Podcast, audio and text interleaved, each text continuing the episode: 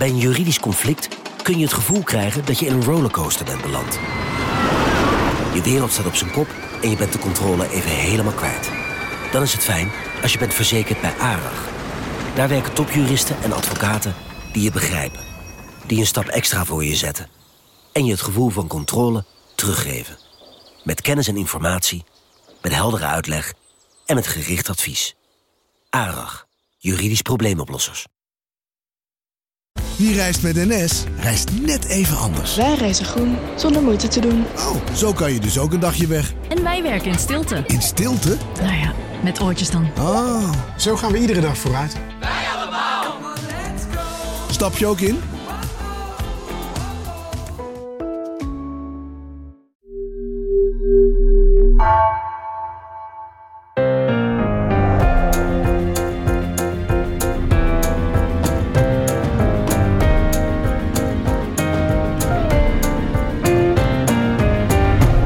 Dit is Haagse Zaken van NRC. Mijn naam is Lemia Aharwai. Deze aflevering begint bij grote ambitieuze plannen met verstrekkende gevolgen waar een kleine gemeenteraad met 19 zetels een besluit over heeft moeten nemen.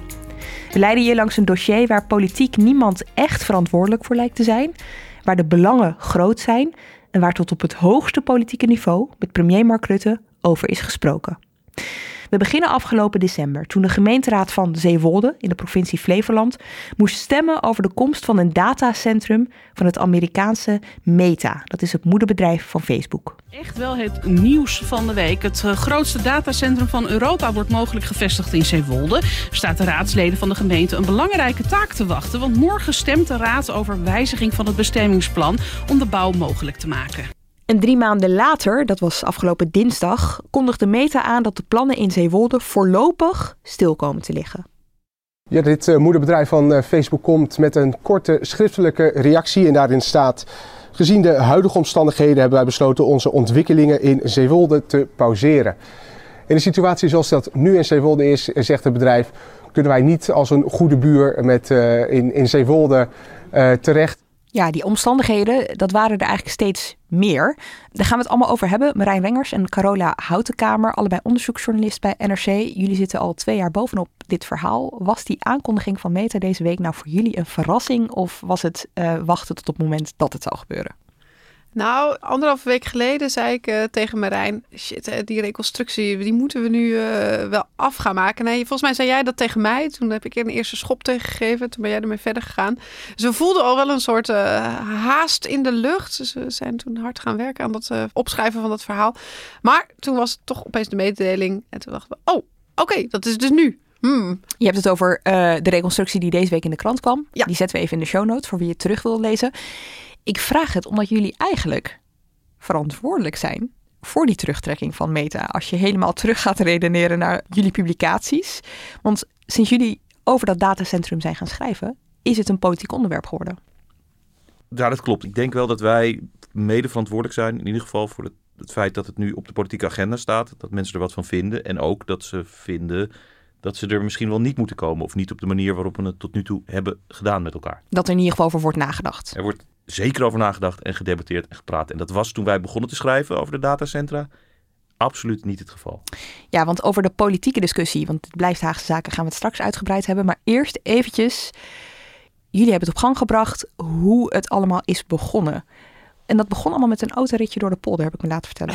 Ja, dat klopt. Uh, dat was, uh, het was, corona was toen uh, net begonnen, in het voorjaar van 2020. En de eerste golf hadden we net achter de rug. En wij werken samen vaker aan verhalen, vaak over grote bedrijven. Ehm, wij wilden een, een, een stuk maken over de windmolens in de Wieringenmeerpolder. Dat, eh, dat polariseerde daar heel erg. En een enorm windpark werd daar opgeleverd. En we dachten, nou, dat is goed om daar eens een keer te gaan kijken. En nou, ik heb mijn autootje uit de garage gehaald en Marijn is ingestapt. Ik moet altijd rijden, want Marijn heeft geen rijbewijs. Toch even noemen. Wieringenmeer, kop van Noord-Holland hebben we het over, hè? Klopt. Prachtig gebied. En uh, wij reden daar rond. Uh, we hadden met mensen afgesproken. We wilden praten over die windmolens. Want sommige boeren die hadden er wel eentje, andere boeren niet. En sommigen waren rijk geworden, anderen niet. En toen kwamen we een heel gek bordje tegen terwijl we door de polder reden. Het was een geel bordje met een pijl. En er stond op Nimble. Nou, en aangezien jij, Marijn, toch niet achter het stuur zat, kon jij meteen even googlen, waar staat dat eigenlijk voor? Klopt, maar dat was nog helemaal niet zo makkelijk te vinden. Dus we dachten, we moeten er maar gewoon heen rijden en kijken wat we gaan zien. Dus wij linksom, rechtsom, linksom, rechtsom gewoon de bordjes gevolgd. En uh, toen stonden we bij een heel groot hek met prikkeldraad eroverheen. En enorme hallen en loodsen. Maar verder geen bedrijfsnaam op de gevel. En uh, wel een beveiligingskate. Het was ook nog in de aanbouw. We werden uitgestapt en aangebeld. En toen een man open uit die kate en die zei... Ja, ik mag hier helemaal niks over zeggen. Dat is heel raar. Sta je er in een polder. En uh, we zeiden, ja, maar we zijn journalisten. Wat komt u dan allemaal? Nee, daar kan ik helemaal niks over zeggen. En toen rende hij weer naar binnen. En toen kwam hij naar buiten met een visitekaartje. Dat gaf hij aan ons. En daar stond op press at google.com. Ja, wat is dit nou? En dat was eigenlijk het beginpunt van ons verhaal over de, de grote datacentra in de Wieringenmeerpolder. En we hebben er echt wel lang over gedaan om te begrijpen hoe, nou ja, hoe dat systeem daar in elkaar zit en waarom ze daar beland waren. En, Precies, uh... want die Wieringenmeer is dus volgebouwd zo'n beetje met windmolens. Dat is omdat daar een soort van idee achter zit, groene stroom. Ja, het kost ons echt heel veel tijd om te begrijpen hoe het nou samen komt. Want je ziet, datacentra willen heel graag in de buurt zitten van windmolens. Dan is de infrastructuur er, de onderstations, de kabels liggen er. Maar het is ook, als je daar groene stroom van kan kopen van die windparken, kun je dat ook vertellen tegen je klanten. Van kijk eens, we locally sourced eh, green energy. Dat klinkt ook nog eens enorm goed. Het hoeft niet per se, maar ze willen het wel. En in de Wieringenmeerpolder heb je dan nog een ander systeem in de mix. Dat is namelijk dat er heel veel kassen in de buurt staan. En die kassen die moeten ook weer op een andere manier verwarmd worden. Dat gebeurt met uh, warmtekrachtcentrales. Die leveren ook weer stroom aan. Dus dat was een soort, dat is een soort ecosysteem daar. En dat kost ons best wel tijd om te doorgronden van wat veroorzaakt hier nou eigenlijk wat en wat trekt wat aan. Maar in ieder geval is die polder inmiddels helemaal volgebouwd met en windmolens en kassen en datacentra. Ja, die hebben iets met elkaar te maken en die maken gebruik van elkaars infrastructuur of niet, of dat wordt beloofd, maar dat gebeurt juist niet. En nou ja, goed, daar gingen we een verhaal over maken van is dit nou eigenlijk uh, een, een volgebouwde, doorgedraaide polder, maar, maar voor wat eigenlijk? Voor wie? Wie profiteert hier nog van? Want Marijn, om een voorbeeld te geven, het grootste park daar is van Vattenval. Uh, dat zijn 99 windturbines en dat zou goed zijn voor 370.000 huishoudens om die te voorzien van stroom. Maar... Het gros van de stroom gaat naar Microsoft die daar die enorme datacentra heeft staan. Dus die mensen die daar wonen, die, die moeten tegen al die windmolens aankijken. En de baten gaan eigenlijk naar een Amerikaanse multinational. En bovendien betaalt die Amerikaanse multinational veel minder voor de stroom dan de burgers moeten betalen. En de burgers betalen wel opslag op hun uh, energierekening voor duurzame energieopwek, waarmee die windmolens worden gesubsidieerd. Een heel pervers systeem eigenlijk. Dat de multinationals, Vattenfall, Microsoft, Google, die daar zitten, die profiteren heel erg van, uh, van de energie en van de subsidies. Maar de burgers, die moeten dat opbrengen en er tegenaan kijken. Nou ja, dat is wel een, was wel een beetje uit balans raakte dat daar in die polder. En los van dat systeem ook het verbruik van dat soort datacenters is gigantisch. Microsoft die heeft een aansluiting voor 2 terawattuur, zoals dat dan heet, per jaar. Eventjes vertalen naar hoeveel procent van alles dat is. Ja, ja nou, dat is dus ongelooflijk. Die cijfers zijn dus ook geheim. Dat is dus bizar. Dus eh, af en toe heb je dus een branche. Eh, je hebt een brancheclub die geeft dan stroomverbruikscijfers. Maar die zijn altijd twee jaar oud. Dus die zeggen niks meer. Dus dat is best wel nog wel moeilijk om te achterhalen. Maar je moet je voorstellen, een heel groot datacentrum pakt ongeveer 1,4 terawattuur. De aansluiting is wat groter dan wat ze werkelijk verbruiken. En dat is ongeveer 1% van het totaal wat heel Nederland gebruikt. Alle huishoudens, de haven alle bedrijven, uh, de aluminiumsmelters. Dat is ongeveer 120 terawattuur. Dus één datacentrum en dan echt een joekel, die pakt dan 1,4 terawattuur. Dus dat is ongeveer 1 procent. Nou ja, dus je hoeft maar 100 de grote datacentra in Nederland te bouwen en alle stroom is op. Exact, dat is dus het beeld inderdaad. En je hoeft er maar 100 te bouwen. Hoeveel plannen liggen er? 20 ongeveer, 20 grote. Ja, en dan heel veel kleintjes nog. Dus we verwachten dat het eh, de stroomverbruik van datacentra de komende decennium nou, zeker richting 10, 15 procent gaat van het totaalverbruik. Dus dat is, ja, dat is gigantisch. En wij wilden ook beschrijven in de polder, als je ziet vijf windmolens bouwen in het dorp, hoeveel polarisatie en hoe moeilijk dat al is. En hoeveel kommer en kwel dat op lokaal niveau al geeft. Mensen die zich er echt tegen verzetten. En dan komt er zo één bedrijf en dat zegt: Oh ja, we willen graag de stroom van 120 windmolens. Ik denk dan, ja, Oké, hoe dan? Dus dan kijk je al tegen die dingen aan en dan heb je er zelf niks aan. En wat je net al zei, Carola, je betaalt er wel voor. Precies. Oké, vrij krankzinnige constructie zou je kunnen zeggen. Uh, dit is het systeem dat jullie ontdekten in 2020. En wanneer kwam Zeewolde in zicht voor jullie? Nou, eigenlijk op het moment dat we dit verhaal in de krant, dat we het helemaal hadden uitgedacht en in de krant hadden opgeschreven, toen meldde zich opeens Zeewolde met de aankondiging vol trots: wij gaan ook zo'n enorm datacentrum binnen onze gemeentegrenzen bouwen. Daarmee gaan we in de Champions League spelen van de datacentra van Europa. Vanuit het niets staan we enorm op de kaart. En we waren al best wel vaak langs die datacentra gereden in de Wieringenmeerpolder. En waren er omheen gelopen en al langs gereden. En we wisten ongeveer hoeveel hectare eh, daar staat aan datacentra. Nou, 10, 20, uh, een stuk van 30, uh, groot. Maar opeens, deze nieuwe partij, die ging een stuk grond van 160 hectare kopen. En we dachten, echt, dit is echt een heel groot ding. Wat, hoe, kan, hoe, hoe kan dit nou weer? En het was ook meteen een kans voor jullie, hè? Want uh, Wieringenmeer, uh, Google, dat stond er al. Daar konden jullie al aanbellen om te kijken wat is hier eigenlijk. En dit zou pas opgericht worden. Nee, dat is het grote verschil. Dit was gewoon een enorm akker. Echt een enorme akker.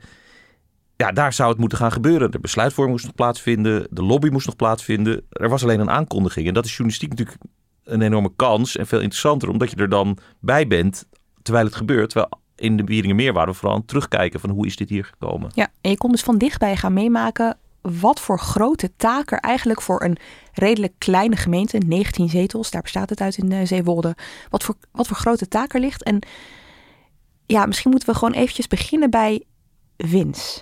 Good morning everyone. My name is Vince Vanson and I'm with Facebook's Global Energy team. My parents were born and raised right here in Holland. My parents instilled a great sense of perseverance, tenacity, and optimism for what is possible. My father wrapped all of this up in a motto that he ingrained with my brothers and me The no you have, the yes you can get. Wie was deze man en wat kwam hij doen?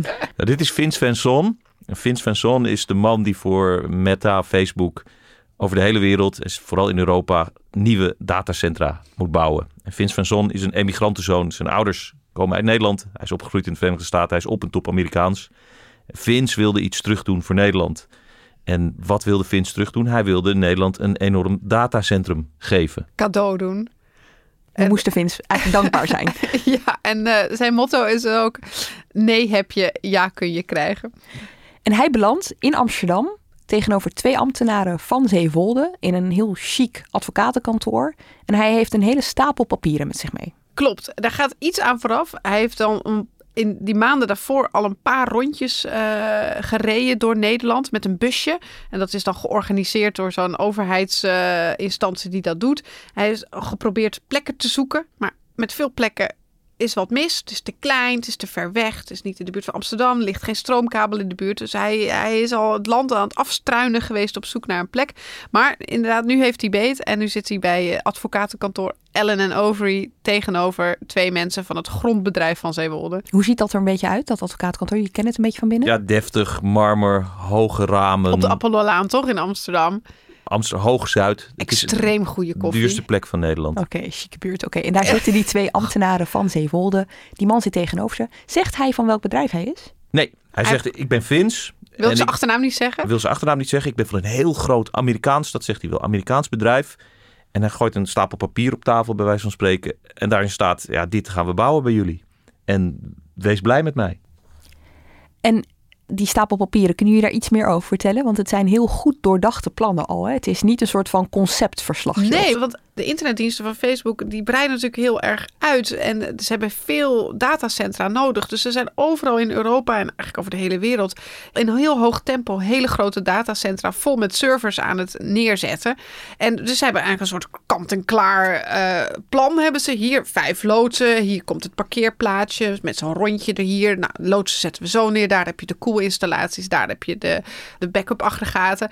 Flap. Dus dat zijn kant-en-klaar uh, pakketten zijn dat. En waarom Zeewolde? Heeft hij dat erbij verteld? Zeewolde is de enige plek in Nederland die zo'n enorme lap grond beschikbaar heeft. Daar zijn ze op uitgekomen. En daar moet het gaan gebeuren. Dus daar gaat Vince op duwen. En niet een beetje ook. Hij doet een aanvraag eigenlijk. Van, uh, goh, wij zouden wel eigenaar willen worden van dat uh, stukje grond. En hoe gaat Zeewolde daarmee om? Ja, Zeewolde heeft er zin in op dat moment. Dus uh, in eerste instantie hadden ze hun hand niet opgestoken, maar door bemiddeling van Arcadis, dat is een groot ingenieursbureau wat, uh, wat Facebook uh, in de arm heeft genomen, hebben, zijn ze toch op die akkers in Zeewolde uitgekomen. Dus nu zitten ze bij Ellen en Overy. En Zeewolde denkt, nou, het is een kleine gemeente, een nieuwe gemeente, het jongste dorp van Nederland. Ze willen gewoon heel graag ontwikkelen, bedrijvigheid. Ze willen graag dat jongeren er blijven wonen. Dus dan moet ook een soort moderne bedrijven zijn om te wonen. En zo'n enorme grondverkoop levert ook allerlei lokale belastingen op. Um, werkgelegenheid hopelijk. En je hebt opeens een fantastische moderne uitstraling van je dorp. Dus Zeewolde denkt, kom maar, dit is geweldig, dit is een buitenkans. En ze hebben natuurlijk nog nooit zoiets groots gehad in het dorp. Normaal zitten die mensen van het grondbedrijf een kavel te verkopen voor een gereedschapsloods of een garage die komt. En nu, nu zitten ze opeens met een Amerikaanse techgigant, wat echt een monsterlijk groot ding gaat bouwen. Dus in de eerste raadsvergadering dat er over wordt verteld, wat gebeurde daar? Hoe werd dit verteld? Nou, het college was helemaal excited en ze wilden niet zeggen wie het was. Dat wisten ze ook niet, toch? Dat officieel. wisten ze officieel ook niet.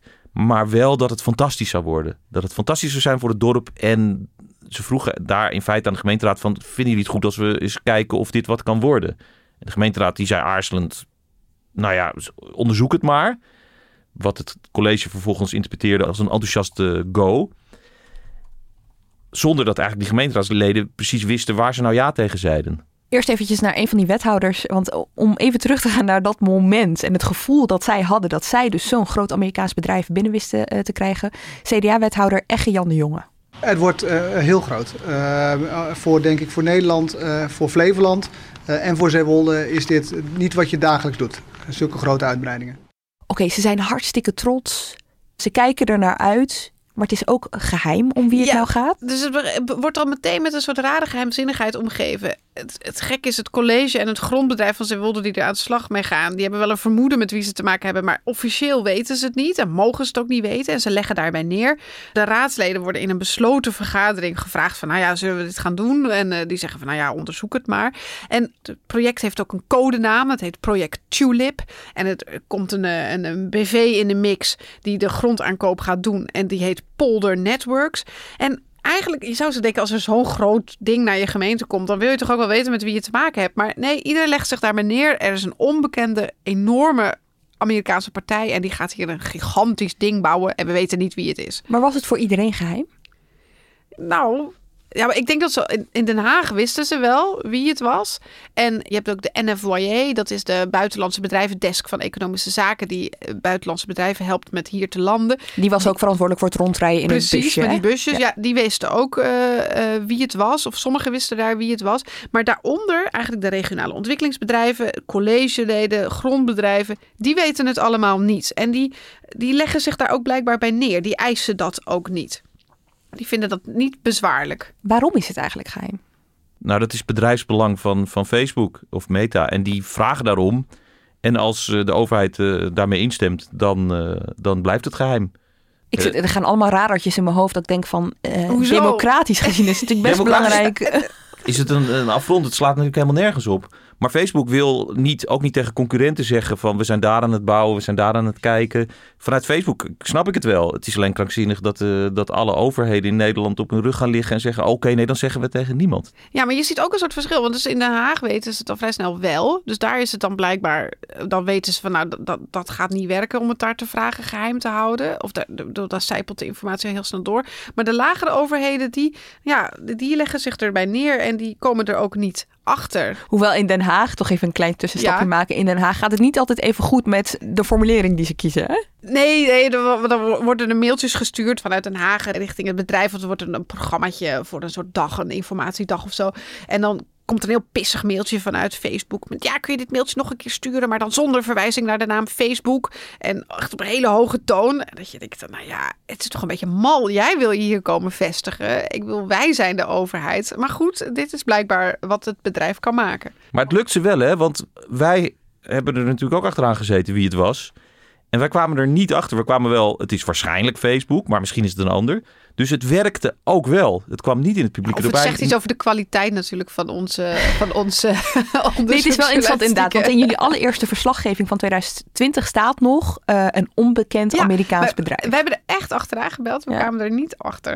Het is overigens toch eventjes, want dit blijft Haagse zaken, we hebben het veel over politiek hier. Het is niet bij wet geregeld dat, dat het geheim gehouden moet worden of zo, hè?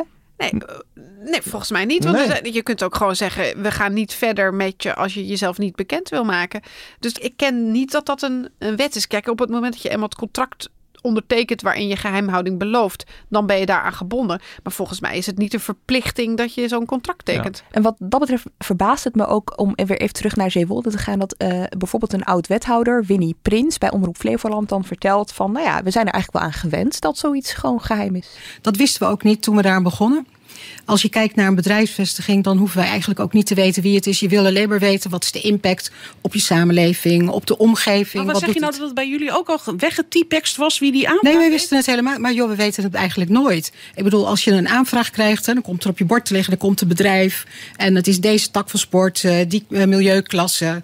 Dat is wat het doet. Ja, prima. Het maakt me niet uit wie het is. Ja, grappig. hè? Ik vind het interessant. Er zit ook wel iets moois in. De gemeente, heel veel, of moois, weet ik niet. Vanuit de gemeente beredeneerd zit er altijd een heel sterk gevoel, ook bij wethouders, van we willen zonder aanzien des persoons vergunningen eh, toekennen. We willen zonder aanzien des persoons hè, dat, dat iedereen dezelfde rechten heeft. Dus hè, dat, het maakt ons niet per se uit of het bedrijf A of bedrijf B is als je maar aan de regels voldoet. Er zit een soort eh, gelijkheidsbeginsel, voel je bij veel mensen er wel in wil het ook niet alleen, alleen maar neersabelen. Maar het is natuurlijk ook wel een beetje mal dat als, er zo, als het zo groot is. Het is geen koekjesfabriek. Als je zegt, ah, het is de Lu-fabriek of het is eh, een andere bastonjefabriek. Het maakt ons niet uit. Oké, zwaar. Maar met, als het zo'n impact heeft, dan zou je toch wel graag willen weten. Straks komt de NSE met een enorm datacentrum. Dan zou je toch ook wel willen weten. Maar goed, het college is blij. Ja. En Facebook die doet die aanvraag en daarvoor moet het bestemmingsplan gewijzigd worden. Ja, dat klopt. Dus de gemeente. Er is eigenlijk één moment dat de gemeenteraad zich kan buigen over eh, wat er gaat gebeuren met eh, dat enorme stuk grond. En dat is bij het bestemmingsplan. Daarin wordt geregeld wat mag hier gebouwd worden, hoe hoog mag het worden, hoe komt het eruit te zien, allemaal van dat soort dingen. Nog steeds zonder te weten welk bedrijf dat dan daar wil neerzetten. Dus dat moeten ze geregeld hebben. Dat is een cruciaal element van het bouwproces. En in de aanloop naar de gemeenteraadsverkiezingen um, besluit het college, dat heel erg enthousiast is, de plannen ter stemming voor te leggen aan de gemeenteraad. Zodat die kunnen beslissen, mag dit of mag dit niet? Hele kleine stap terug. Is er iemand in dit proces, of het nou in de gemeenteraad is, of het nou een bewoner is van, uh, van de gemeente, die denkt, hé, hey, wacht even, waar, hè, waar gaat dit eigenlijk over?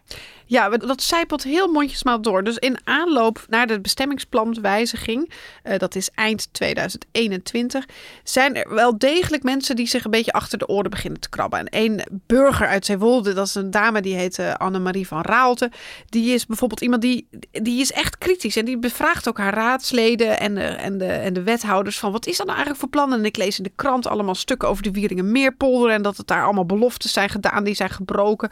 En, uh, en nu komt er ook zo'n ding hier. Wat is dat? Het doet WOP verzoeken, want er is heel weinig natuurlijk openbaar, want alles wordt maar geheim gehouden. En er is een, een, een stichting is er in Zeewolde opgericht, Stichting Datatruc. En dat begint zich in die, in die aanloop, in die zomer van 2021 ook steeds drukker te maken over de plannen. Dus er is in het dorp, begint het verzet al wel te ontstaan. En er zijn raadsleden die beginnen ongemakkelijk te worden bij de plannen. En die zeggen van ja, we worden helemaal niet goed geïnformeerd. Wat is het college hier eigenlijk allemaal aan het doen?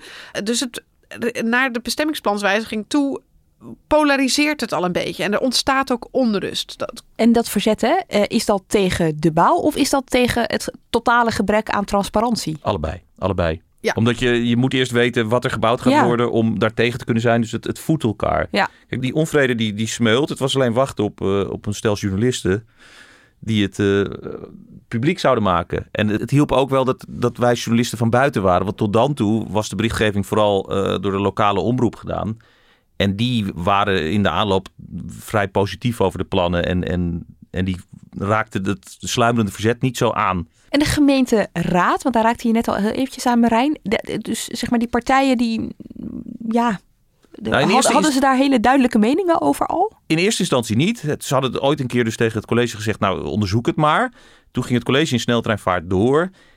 En heel langzaam waren er een paar mensen in de gemeenteraad die zich af begonnen te vragen: waar zijn we eigenlijk mee bezig? Wat zijn we eigenlijk aan het doen? Maar de meerderheid die keek het aan en vond het eigenlijk allemaal wel prima. Ook omdat ze zich er nog niet zo goed in verdiept hadden. Ja, maar dan komt het moment dat het echt aangekondigd wordt. Ja, voor de bestemmingsplanswijziging heeft de gemeente, het college ook wel door dat stemmen voor een bestemmingsplan eigenlijk de bouw van zo'n enorm ding mogelijk maken. Terwijl je niet weet wie het is. Dat, dat werd een beetje mal. Dat voelden ze bij het college ook wel. Dus toen hadden ze toch wel gevraagd aan, aan, aan Meta, aan Facebook. Van nou ja, misschien moeten we nu, als dit op de, echt op de agenda komt, ook wel bekendmaken dat jullie het zijn. Nou goed, oké, daar wilde dan Meta wel mee akkoord gaan. En, uh, Wanneer was dat ongeveer? Dat was ongeveer november 2021. En dan komt de grote aankondiging van hè, dit is meta en dit is wat ze willen gaan doen. En wij zijn daar, nou ja, jij had net een boek geschreven, ik had net een verhaal af, dus we hadden tijd. En we hadden het eigenlijk al een beetje vergeten weer, het hele dossier. Dus jullie stappen weer in de auto, wij Carola, jij rijdt weer, want jij hebt nog steeds je rijbewijs niet nog niet. Nee. Ja, gaat het ook niet? Ik heb er nog op aangedrongen bij je, maar ja, dat gaat niet gebeuren. Ja, en... Uh, uh, wij rijden naar Zeewolde weer en daar heb je daar Deluxe. Dat is het uh, theatertje wat naast uh, de, het gemeentehuis staat, waar de grote vergaderingen worden gehouden. En daar staan daar en, uh, de gedeputeerden en twee wethouders van Zeewolde, uh, die, staan daar. En achter hen is een enorme scherm, is daar waar de witte hallen van Meta uh, op staan geprojecteerd. En met het fantastische nieuws, Meta maakt zichzelf bekend en ze willen echt naar Zeewolde komen.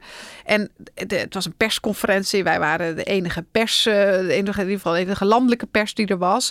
Wij, wij mochten daar vragen stellen. Nou, dat viel niet helemaal in goede aarde, want toen kregen we later in de, in de allerlei columns in de lokale kranten dat twee narige journalisten van NRC het feestje hadden verstierd met vervelende vragen over energievoorziening en landelijke implicaties. Want dat was dus wel de stemming. Het was een soort van opgetogen stemming. Een totale feeststemming. Ja. Van, uh, werd met heel veel eerbied werd de naam Meta uitgesproken. Hoe dan?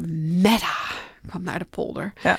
En nou, het was een beetje een ontregelende bijeenkomst voor ons, omdat daar je ziet iets hyperlokaals, alsof het de aankondiging is van de opening van een zwembad. Dezelfde setting met de koekjes en gewoon de lokale pers met een camera.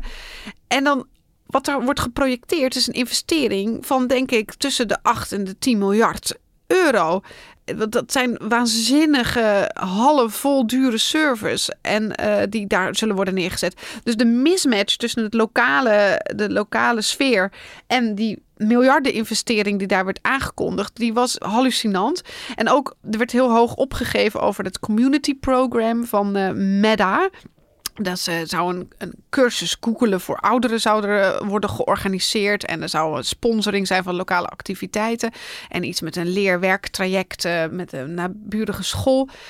En je zag die hallen. Je kunt alleen maar denken, miljarden. Er komen hier, worden hier miljarden in deze polder gestoken. Er moeten 120 windmolens gaan draaien voor dit project. Maar er komt wel een cursus googelen voor ouderen. En nou ja, dat, dat gevoel, dat liet ons niet meer los vanaf dat moment. Nou, dat was ook een journalistieke mismatch. Wij waren er, nou niet helemaal bij toeval, omdat we er al eerder mee bezig waren geweest. Maar wij waren daar. Er was eigenlijk nog nooit een fatsoenlijk verhaal over geschreven. Over wat er nou ging gebeuren.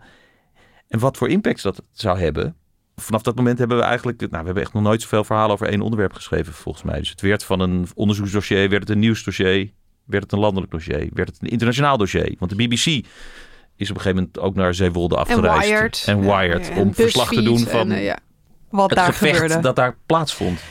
En um, die lastige, narrige vragen die jullie hebben gesteld, waar gingen die over? Want waar waren jullie op dat moment dus nieuwsgierig naar? De energie, de.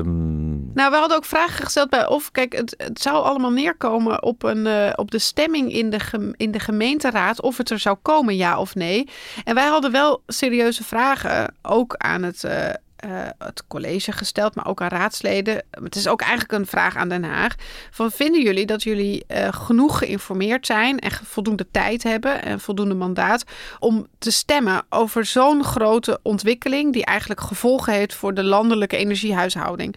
En het komt neer op of raadslid die in een deeltijd uh, dossiers zit te lezen, is die in staat om de gevolgen van zo'n grote investering voor het land te overzien? Nou, dat is een, natuurlijk super stomme vraag. Want die mensen zitten naar eer en geweten daar in hun, vaak in hun vrije tijd. Gewoon echt goed werk te leveren. Het zijn ook intelligente mensen. Dus we bedoelden het echt niet badinerend. Maar er zit natuurlijk iets raars in. Dat ja, normaal stem je over een fietspad linksom of rechtsom. Maar nu gaat het opeens over, over een massieve bedrijf uh, wat daar komt. Met die zoveel stroom gaat, uh, gaat pakken. En nou, wij hadden daar vragen over gesteld. Van ja, hoort deze besluitvorming hier? Wat, wat vinden jullie van de landelijke implicaties voor energie? Wat gaat er met het water? Gebeuren? Uh, hebben jullie nagedacht over bij droogte? Gebruikt heel veel koelwater? Wat, hoe zijn die vraagstukken erover? Het gebruik van landbouwgrond? Nou, ja, nou, dat werd opgevat heel duidelijk als vervelende inmenging. En wij kwamen de sfeer bederven. Nou, dat is allemaal niet zo erg als mensen dat zeggen. Maar dat, dat tekent iets over de, de houding van Zeewolde. Van bemoei je er niet mee. Dit is onze taak. Dit is, dit ja. is wat wij gaan doen. En kregen jullie wel antwoorden op die vraag? Ik bedoel, was die gemeenteraad zich daarvan bewust? De gemeenteraad was zich ervan bewust, maar we, dit, dit was een persmoment voor de bestuurders. Ja. En die vonden ons alleen maar vervelend, want we kwamen hun, hun feestje verpesten. Dus echt antwoord nee, op, op, de, op de zorgen die doorklonken. Nou, we hebben één ding wat we bijvoorbeeld vroegen is... waarom moet het zo snel, uh, nog voor de gemeenteraadsverkiezingen... allemaal ja. er doorheen gejakkerd? Is het niet verstandiger om te wachten tot na de gemeenteraadsverkiezingen? Want dan kunnen de burgers er wat van vinden. Op zijn minst, dan dat, ja. Ja, nou dat was echt allemaal schandalig. Daar moest, we hadden geen referenda in Nederland. Moesten we Het moest nu klaar. En dan was het klaar. Ja, oké. nou goed, Facebook die wilde voortvarend aan de slag gaan. Hè? Die hadden er wel uh, zin in. En nou, wie uh, wel eens een vergunning heeft geprobeerd aan te vragen voor, weet ik veel, uh, uitbouw of... een dakkapel. precies. die weet hoe lang dat kan duren, hoe bureaucratisch het is. Bij Facebook ging het allemaal best snel relatief. Ze ging als een mes door de boter, maar dat kwam ook omdat zij alle adviseurs leverde en betaalde die Zeewolde gingen helpen met het regelen van de vergunning. Is dat ongewoon trouwens? Nee, dat gaat altijd zo. Als je iets groots wilt bouwen in Nederland, dan moet je ook de kosten die, daar, die de overheid moet maken, die daarmee gemoeid zijn, uh, dragen. Maar in Zeewolde pakte het heel wonderlijk uit, want normaal zitten er een paar ambtenaren op dit soort uh, bestemmingsplan en bouwplannen.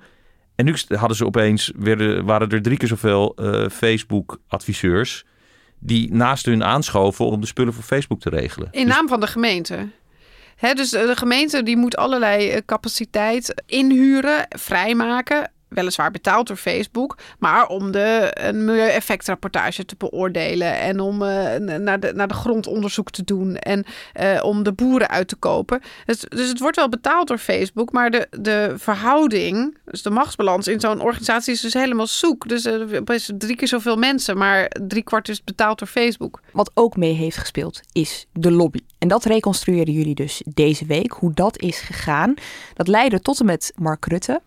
Nou werd hij twee weken geleden al um, bevraagd op zijn vrijdagse uh, persconferentie over wat AZ, zijn ministerie, te maken had gehad met die lobby. Was hij betrokken geweest op een of andere manier? En dit was zijn antwoord. Dat ga ik voor uitzoeken. Ik ben even de afgelopen week met andere dingen bezig geweest. Dat zou ik moeten nakijken. Ik ga het voor uitzoeken. Meer kan ik u nu niet zeggen.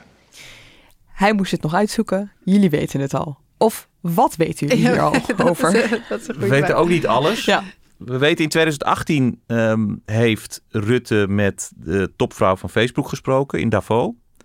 En we weten dat datacentra daar een van de gespreksonderwerpen was. Maar of het daar daadwerkelijk besproken is, weten we weer niet.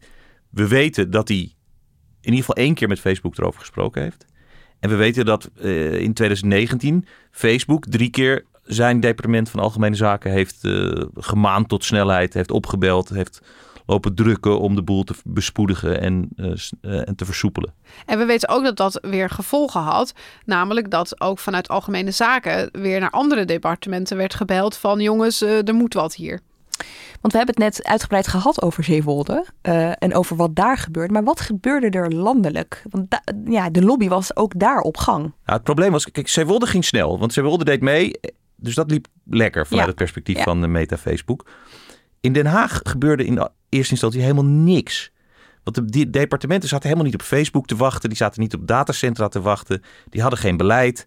Er was één ambtenaar één dag in de week bij economische zaken bezig met datacentra. En die was vooral bezig ervoor te zorgen dat hij niet twee dagen in de week of drie dagen in de week ermee aan de slag moest. En dat heeft ook een gevolg. Kijk, de vestiging van bedrijven, dat is in principe ook een lokale aangelegenheid. Zo hebben we dat bedacht in de decentralisatie. Als je een bedrijf eh, ergens wil komen, dan moet je gewoon maar lokaal regelen met bestemmingsplan en bouwvergunning. That's it. Dus we vinden ook in de basis, ja, daar kun je wel wat van vinden, maar dat vonden we in ieder geval, uh, dat in de basis is het aan de gemeente de vestiging van een bedrijf. Goed, of dat houdbaar is in zo'n dossier, is maar zeer de vraag. Maar dat is de instelling in Den Haag. Alleen in dit geval, omdat Facebook zo groot is, kun je het niet helemaal afhandelen op lokaal niveau. Er lagen wat kwesties waar uh, Haagse lobby voor nodig was. En dat gebeurde. En hoe die lobbyist te werk ging, daar werd, ja, daar werd een beetje.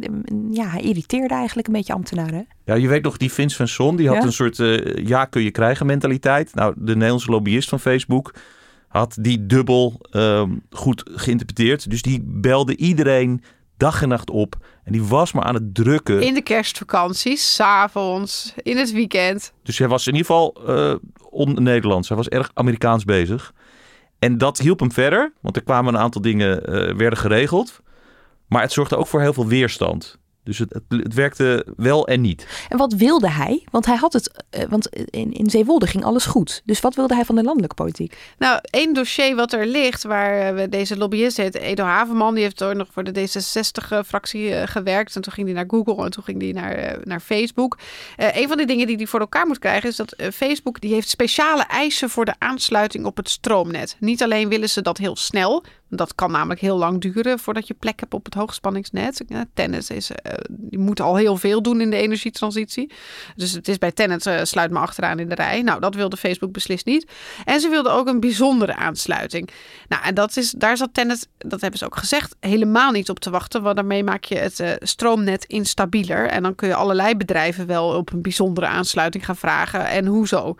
Um, dat moeten we even iets concreter maken. Want dat, dat zou ook verstrekkende gevolgen hebben voor de mensen die er omheen wonen, toch? Nou, in potentie wel. Wat Facebook wilde, Facebook wilde eigenlijk voor de gemeente kruipen in de elektriciteitsaansluiting. Dus dat zeg maar de stroom van het hoogspanningsnet eerst naar Facebook zou gaan en dan naar, naar de inwoners en Tenet. En wij met z'n allen wilden eigenlijk dat het andersom was. Want in geval van nood? In geval van nood, ja, dat, dat dus eerst Facebook uitvalt en daarna pas je ijskast in plaats van andersom. Ja, het, ik denk niet dat jouw ijskast op het hoogspanningsnet staat. Maar er waren wel. Uh, hoe technisch precies zit, dat durf ik niet helemaal mijn hand voor het vuur te steken. Maar er was wel. Er waren twijfels over de leveringszekerheid en de stabiliteit. En de voorrang. Wie dus altijd het beste af is in, in, in ja. tijden van nood. En dus dat was een dossier wat. Het was dikke ruzie. Het was gewoon ruzie tussen Tenet en Facebook. Ze kwamen er niet uit. Nou, toen, dus toen ging Facebook drukken bij algemene zaken en bij economische zaken. Eigenlijk overal wel zo'n beetje. En toen heeft uiteindelijk minister Wiebes onder al deze druk besloten dat Facebook wel voorrang zou krijgen. Toenmalig minister van Economische Zaken Toenmalig minister van Economische Zaken. Die zei, Tenet, je moet het nu regelen voor Facebook. Nou, dat, dus dat was een bewijs dat de lobby was werkte. Gelukt. Bij Wiebes. Bij Wiebes lukte het. En er was, intussen was er op zijn eigen departement werden allemaal nota's geschreven door ambtenaren. Die zeiden van, nou ja, we weten helemaal niet of we dit soort uh, datacentra nou wel willen. En de allerlei beloftes over werkgelegenheid en over het uh, gebruik van restwarmte. Dat is ook een soort dossier. Dat lijkt allemaal heel erg overdreven. En uh, moeten we hier niet een wat maatschappelijkere afweging maken? Dus het is echt een weerwil ook van zijn eigen ambtenaren. Dit gebeurde allemaal ja, in de hoogtorens in Den Haag, zal ik maar zeggen. Bij de ministeries, buiten het zicht jullie schreven veel over wat zich uh, allemaal ontvouwde in Zeewolde zelf. Maar ja, zoals dat dan gaat, televisie is ook oh. anno nu nog steeds toch het medium dat de meeste aandacht trekt. Er was één man die het erover had, dus, uh, Arjen Lubach, in zijn programma Zondag met Lubach. Vorige week is Nederlands grootste windmolenpark op land geopend in de Wieringenmeer, boven in Noord-Holland. Dat zijn 82 windmolens van 180 meter hoog. Dat is vet, hè? Kijk, de hoeveelheid groene stroom die het park produceert is gelijk aan het verbruik van 370.000 huishoudens. En weet je voor hoeveel huishoudens die stroom gaan leveren? Nul! En hierna veranderde alles. Ja, ik wil wel even zeggen dat de Zondag met Lubach aflevering... die was ook gemaakt op basis van onze stukken. En uh, wij vonden dat ook wel echt heel leuk. Het is natuurlijk altijd... We kijken altijd met afgunst naar de, naar de, de, de, de tv. Maar in dit geval was het wel... Uh, nou ja, het, het, was ook een leuke samenwerking. Om zo, of samenwerking, ja. ja het was, ik heb ja. anderhalf uur met die redacteur ja, zitten precies, bellen. Ja, Maar goed, dus we, er zit hier geen... Er zit wel altijd afgunst over de, over de aandacht die tv krijgt. Maar de, we vinden het wel leuk. Dat okay. wil ik even zeggen. Maar het veranderde dus alles. Wat veranderde het? Nou, opeens werd het een, en gingen mensen achter hun oren krabben van waarom wekken we al deze groene energie op als het naar grote multinationals uit het buitenland gaat? Waarom doen we dat? Het, en werd, het werd eigenlijk een politieke kwestie. Daarvoor, toen we begonnen, hier op de krant zeiden mensen ook: ja, dit, hier moet de minister wat van vinden, een bewindspersoon, de Tweede Kamer. En wij zeiden: ja, maar niemand vindt er wat van, want mensen weten het helemaal niet. Dus eh, wat er vooral gebeurde was dat het werd, het werd een politieke kwestie, werd opgepikt, het, het werd besproken in de Kamer. Er kwam nog meer media bij, dus de sneeuwbal begon te rollen. En ja, in Den Haag zijn ze zich er toen zorgen over gaan maken. Dus je zou kunnen zeggen, ambtelijk vertraagt het. Ja, en politiek versnelt het. Dus, en die, die, die dingen gaan tegen elkaar inbewegen. Ja, en dan wordt het journalistiek eigenlijk alleen maar interessanter. Want er komt informatie naar buiten, er wordt over gedebatteerd. Uh, Heel even bij stilstaan. Als je zegt journalistiek wordt het interessanter. Want als je bezig bent met zo'n verhaal wat voor sommigen toch wel een beetje abstract is. En het wordt ineens groot nieuws. Betekent dat dan ook voor jullie dat jullie in plaats van dat jullie zelf actief mensen moeten gaan bellen en overhalen dat het zich ook omdraait? Zeker, dus we worden zelf ook benaderd door mensen die zich ermee uh, bemoeien. Het is makkelijker om mensen te spreken te krijgen. En het is ook interessant omdat je gewoon uh, veel beter ziet welk departement nou wat gaat doen of juist niet. En dan zie je dus dat het, hè, het, versnelt politiek, maar dat betekent nog niet dat er ineens wel strakke regie is of een heel goed beleid. Je ziet allemaal departementen gaan allemaal verschillende dingen doen. Dus bij landbouw denken ze, ja, willen we wel al die akkers verkopen aan, uh, aan zulke grote, uh, het is een enorme lap grond. Willen we dat wel? En bij Binnenlandse Zaken hebben ze wel een datacenter strategie bedacht. Maar ze hebben ook bedacht dat het Rijksvastgoedbedrijf niet heel veel landbouwgrond gaat verkopen. En bij economische zaken heb je de directie Klimaat. Die denkt, ja, zitten we daar nou al die windmolens voor te draaien? En de directie Digitalisering en... Uh, telecom. En die denken, nou ja, datacentra is wel tof en goed en moderne economie. Dus iedereen iedereen begint er wat van te vinden, maar op een andere manier. En dat is journalistiek ook heel interessant. Nou ja, iedereen begint er wat van te vinden. Ook in Zeewolde. Want uh, daar is het ineens van ergens onder in de agenda staat het ook helemaal bovenaan de agenda. En er zijn partijen die zich heel actief gaan verzetten. Ja, dat klopt. Het curieuze is dus het college, daar zitten twee partijen in, de ChristenUnie en Leefbaar Zeewolde. Hun wethouders hebben zich achter dit datacenterplan geschaard. Maar hun gemeenteraadsleden, die beginnen op een gegeven moment te denken: wat gaan we eigenlijk doen? Wat is dit eigenlijk? Dus die beginnen zich echt in het dossier vast te bijten. Het is wel minderheid, hè? Het is wel een minderheid, maar goed, in ieder geval, die gaan, eh, een van die gemeenteraadsleden die stapt in de auto, die rijdt naar Denemarken, waar een groot datacenter staat van, Facebook. Om eens te kijken of het echt zo mooi en groen is. En die ziet enorme hallen en die denkt, ja, als dit het is. Super lelijk. Super lelijk. Er staat één heel klein twijgje en dat is dan de, de, de, de groenstrook. Dit moeten we niet willen. Dus daar begint het zich, ja, daar wordt het aangejaagd door alle publiciteit en door het feit dat het beslismoment voor de gemeenteraad dichterbij komt, echt een grote kwestie te worden. En ja, als het een grote kwestie wordt en landelijke media gaan zich er in meerdere maten mee bemoeien en het is ineens ook een politiek landelijk ding geworden, dan is er één moment waarop Gerrit-Jan Gorter, dat is de burgemeester van Zeewolde, ja, zich bij de lokale omroep in een gesprek over de toekomst van het datacentrum zich uitlaat over jullie eigenlijk, over ons, over de krant. Het is af en toe echt beschamend. Uh, wat dat betreft, vroeger bij de journalistiek was het zo: je doet dan hoor en wederhoor. Nou, dat wederhoor aan de, van de zijde van de gemeente wordt om commerciële redenen wordt dat, uh, wordt dat vergeten. En uh, daardoor gaan mensen dat geloven wat er in de krant staat. En ja, ik, ik, kan alleen maar doen en, en zeggen: verwijzen naar de feiten. De feiten staan op de website van de gemeente. En de rest ja, zijn vaak fabeltjes, een fabeltjeskrant een fabeltjeskrant. Ja, ja. Dat was wel, Het heeft ook iets echt ontzettend ondermijnends. Hè? Het heeft iets komisch, want ik zie ja, je hier een beetje lachen. Het is maar... grappig, maar het is ook vervelend. Want het is echt wel... Het is niet een, een raadslid van een, van een splinterpartij die all-out gaat. Het is wel een burgemeester die zegt... Je leest het maar op de website. Daar staat de waarheid. En de rest is, uh, is onzin, omdat het mij onwelgevallig is. Het heeft wel iets Kremlin-esks, heeft het. Het is wel echt... Uh, het, is ook, het is ook naar. Maar het is ook wel bijzonder omdat we... Nou ja, het verwijt krijgen dat we geen wederhoor doen. Terwijl we daar ongeveer elke week op de stoep zaten en op de koffie. En uh, een, soort open lijn hadden met, uh, met de gemeente. Dus dat het is. Nou ja, het is wel. Uh, het is bijzonder dat hij dat zo zegt. Maar hij vindt het onwelgevallig. En bij de gemeente in ieder geval bij het college en ook de burgemeester, die zich heel erg achter de plannen heeft geschaard, leeft heel sterk het idee dat zij doen wat het land van hen wil. Namelijk, zij gaan over de vestiging van bedrijven. Dat zijn ze naar eer en geweten aan het doen. Ze doen dat volgens de bestaande procedures. En opeens heb je daar landelijke pers die, en, die- en die zich die vervelende vragen gaat stellen. Je politieke druk, mensen hebben opeens Ja. wensen. En, eh, en, en het, het, ze graven zich in als college en burgemeester. Ze vinden dat vervelende bemoeienis. En eh, ze zijn daar ook niet aan gewend. Hij heeft wel excuses gemaakt, hè? Ja, eventjes. Drie uur, drie uur, lang. die duurde drie uur lang. En toen trok hij ze weer terug. Toen- nou, toen eh, hij, dus de Nederlandse Vereniging van Journalisten zei, eh, burgemeester Gorter, dit kunt u echt niet zeggen. Toen zei hij, ja, nee, oké, sorry. Drie uur later publiceerde NRC wij eh, een nieuw verhaal waarin hij er ook niet al te best afkwam. En toen zei hij, ja, nee, oké, de Fabriekskrant, maar NRC, dat is wel echt heel erg. Goed, eh, uiteindelijk hebben we er nog een keer een kop koffie op gedronken. En toen zei hij van, nou ja, het was ook wel heel druk. En iedereen bleef maar bellen. En we waren, Ja, het was ook wel naar. Er waren raadsleden die kregen vervelende. Hè, sommigen werden, kregen echt hete mail en zo. En als je dat gewoon helemaal niet gewend bent of tegen gewapend bent, dan. eh het was ook een. Ja, nee, het was ook een- echt een hysterische periode voor hen. En terwijl die kritiek dus eigenlijk wel eh, steeds luider klonk en vanuit veel meer hoeken eh, klonk, hield dat college zich eigenlijk best wel doof ervoor. Eh, zij brachten dat bestemmingsplan alsnog tot stemming voor de gemeenteraadsverkiezingen. En Omroep Flevoland deed daar verslag van. De naam is Facebook. Ja. Aan het begin van de avond stroomt het plein voor het gemeentehuis van Zeewolde vol. Vol met klimaatactievoerders van Extinction Rebellion, SP'ers uit verschillende Flevolandse plaatsen en boeren uit de omgeving. Ze hebben allemaal dezelfde boodschap, namelijk we willen het datacenter niet. Ja, het is de dag na de, ja, we willen zeggen nacht, maar het was toch echt nog avond van het datacenter. De Zeewolde zei gisteravond laat ja tegen Meta, het moederbedrijf van Facebook.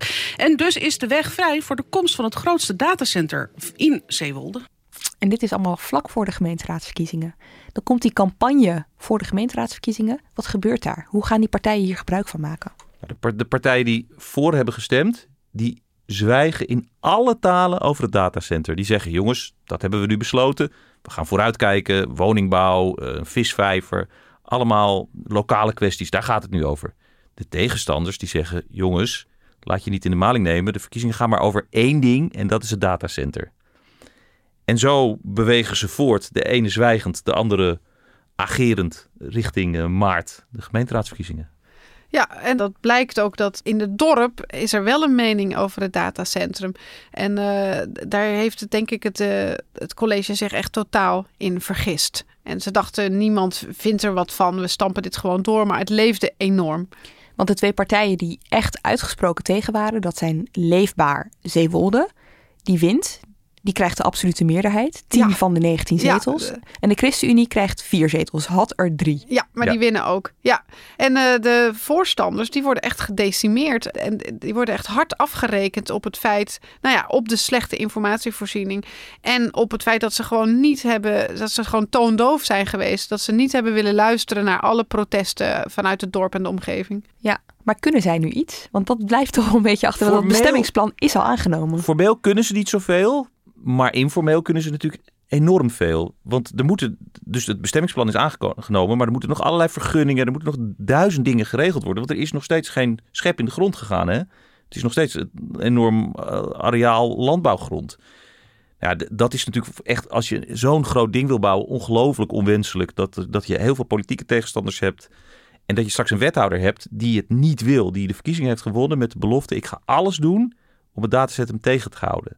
Daar moet je wel zin in hebben als je nog alles moet gaan regelen. Ja, precies. En in Zeewolde veranderde an- alles, maar landelijk eigenlijk ook. Want in de Eerste Kamer werd ook een motie aangenomen. Ja, dat was- begon eigenlijk al eh, rondom die, eh, het aannemen van dat bestemmingsplan. Toen was er een motie in de Eerste Kamer van we moeten het toch stoppen. Eh, die is aangenomen. Er is later nog een motie geweest van we moeten er alles aan doen wat we kunnen om het te stoppen. Eh, die is ook aangenomen. Moties van de Partij voor de Dieren overigens. Ja, klopt. Met 53 van de 75 zetels aangenomen. Dus het is ook niet eh, nipt of zo. Nee, nee, dat Ja. ging echt eh, de mensen. eh, want er was intussen ook al wel een soort beleid geformuleerd in het. eh de regeerakkoord was een passage opgenomen van nou, we moeten kritisch kritischer gaan kijken naar de datacentra. Er was een, uh, een moratorium op de bouw van nieuwe datacentra, van die hyperskills ingesteld. Maar er waren allemaal uitzonderingen weer opgemaakt, zoals ook Zeewolde. En het was tijdelijk, hè, voor negen maanden. En tijdelijk. Dus er was al wel een soort halfslachtig beleid, maar niet genoeg. En Zeewolde ontsprong de hele tijd de dans. Dus toen is er ook op een gegeven moment in de Tweede Kamer nog een motie aangenomen van, nou, we moeten dit echt niet willen dat hij er nog even tussendoor glipt en de komende 30 jaar al deze stroom opsoepeert. Um, en ik denk dat dat genoeg was voor uh, genoeg signalen voor, uh, uh, voor Meta, voor Facebook, om te zeggen van nou, we maken nu zelf een pas op de plaats, we pauzeren de bouwplannen. Voorlopig. Ja. Voorlopig, ja. ja. De vraag die een beetje hierboven blijft hangen, is wie is er nou verantwoordelijk? Het lijkt wel alsof iedereen een klein beetje verantwoordelijk is. Nou, dat is precies hoe het zit. En dat is ook precies het probleem. En daarom kon Facebook ook zo ver komen. En daarom konden ze ook niet helemaal alles realiseren. Er ging eigenlijk niemand over. Iedereen ging er een beetje over. Dus daarom kon, kon je het heel erg druk belobbyen. Maar ja, uiteindelijk is dit zo groot en zo heeft het zoveel impact. Ja, daar moeten we met z'n allen iets van vinden. En godzijdank zijn we dat nu aan het doen. Nou ja, eigenlijk, ik hoor mezelf zeggen, er is niemand echt verantwoordelijk voor. Maar sinds het nieuwe kabinet is gepresenteerd, we hebben nu een minister, Hugo de Jonge, die is van volkshuisvesting en ruimtelijke ordening. Ja, dat klopt. Maar op dit moment is hij in feite minister van helemaal niks. Want vroeger had je een departement, From. Nou, dat is in 15 jaar helemaal afgebroken. Onder andere omdat de VVD vond dat ruimtelijke ordening socialisme was. Dat moesten we niet willen in dit land. Dus daar is het stapje voor stapje. Zijn de mensen weggegaan, de wetgeving is veranderd. De kennis is weg. De kennis is weg. Ondertussen hebben ze de omgevingswet gemaakt. Een enorm ding dat de ruimtelijke ordening op, op decentraal niveau moet regelen. Maar de invoering daarvan is steeds uitgesteld. Dat werkt ook nog niet. Dus je hebt eigenlijk zowel landelijk als lokaal heb je niks. Ja, nu kan je er wel een minister boven zetten. Hugo de Jonge, die gaat het allemaal regelen. Minister voor is het ook, hè? Dus uh, nou ja, dat wordt ook wel eens lege dozen genoemd. Nou ja, dat, daar komt het wettelijk en qua expertise en qua mensen op dit moment wel op neer. Dus in dat niemandsland, ja, daar moet hij het gaan regelen. Nou, dat wordt heel taai. Die omgevingswet die jij nu noemt, die is uh, onlangs nog een keer vooruitgeschoven, hè, voor de zoveelste keer. Dat betekent, dat heeft wel dus ook gevolgen voor die datacenters, het beleid daarvoor. Ja, want er is dus niet echt beleid. Daarom zijn ze het nu aan het maken. Daarom hebben ze gezegd, ja, we gaan even negen maanden uh, niks doen. En dan gaan we proberen om in negen maanden een datacenterbeleid in elkaar te schroeven. Wat er dus eigenlijk al tien jaar geleden had moeten zijn. En die ministeries, hè, um, die hebben het eigenlijk ook een beetje steeds naar elkaar toegeschoven, zitten elkaar ook een beetje aan te kijken. Heeft dit uiteindelijk niet ook gewoon te maken met decentralisatie. Dus eigenlijk steeds de boodschap: we hebben het allemaal uitbesteed aan gemeenten, zij kunnen het het best zelf doen. Zeker. De ministeries die hebben er, hadden er geen zin in. Ze hebben de mensen niet voor. Ze hebben met z'n allen bedacht van oké, dit gaat over de gemeentes. Maar goed, als je zo'n grote investering krijgt in je land, dan zijn er dus wel dingen die je landelijk beleid raken. Zoals hè, Facebook moest grond kopen van het Rijksvastgoedbedrijf. Ze moesten dat, die aansluiting op het hoogspanningsnet hebben. En er zijn echt heel veel landelijke vraagstukken, zoals willen we de stroomrekening zo hoog op laten lopen als we zulke bedrijven hier binnenhalen. Dat zijn landelijke vragen. Die zijn helaas niet te decentraliseren. En daar moet je dus ook beleid voor maken. Maar dat, dat, dat inzicht nou ja, er staan er al een paar in de Wieringenmeerpolder en in Eemshaven. Dat inzicht is echt gewoon heel langzaam en laat op gang gekomen. Kijk, dat ding in de Eemshaven van Google, dat staat er echt al een heel aantal jaren. Dus dat betekent dat we al jaren geleden van die plannen op de hoogte waren. En dat er toen dus op de ministeries gedacht moet zijn van wat betekent dit voor de toekomst? Wat betekent dit voor de energie? Wat willen we hier eigenlijk? Dat is jarenlang niet gedaan. Iedereen dacht, nou ja, laat maar lopen. Datacentra is leuk, het is aan de gemeentes. En nou ja, dat is wel, dat hebben wij ons wel echt over verbaasd. Hoe kun je nou zo'n dossier, wat zo evident is, zo lang negeren? Ja, maar dit is echt in essentie de Rutte-doctrine. De markt bepaalt de ruimtelijke ordening. En de besluitvorming leggen we zo laag mogelijk neer. Het is uiteindelijk dat je toch de markt laat bepalen hoe je land eruit ziet en wat er komt en wat er staat.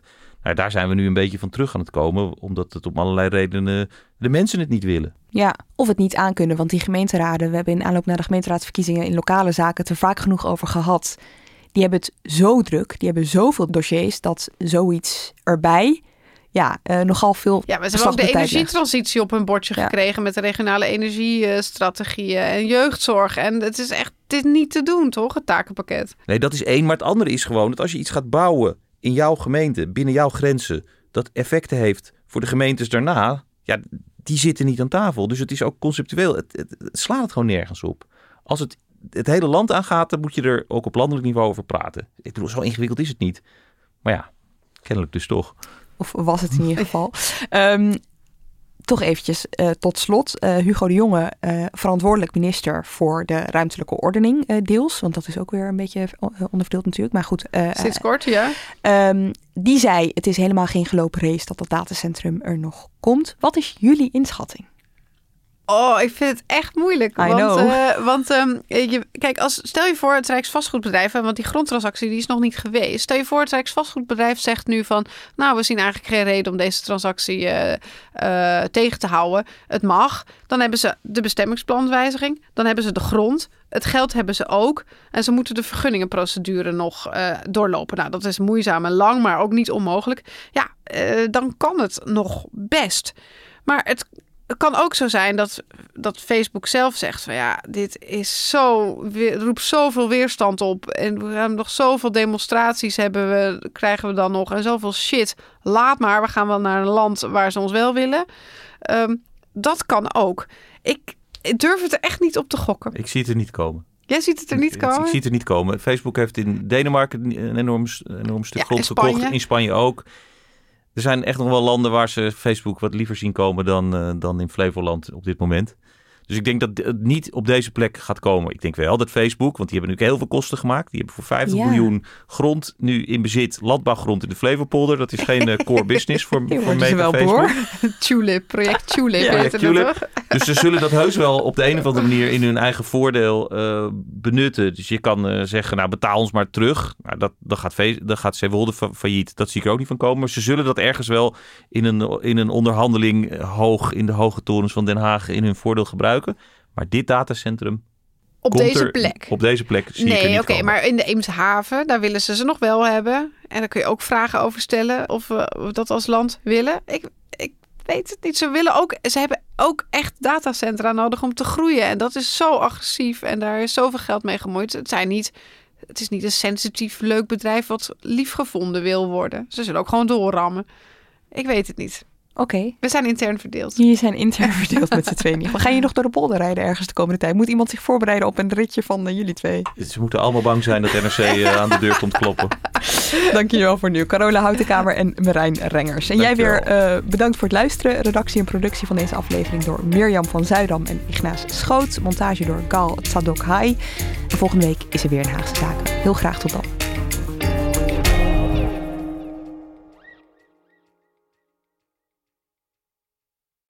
Een maatschappij waarin iedereen meedoet.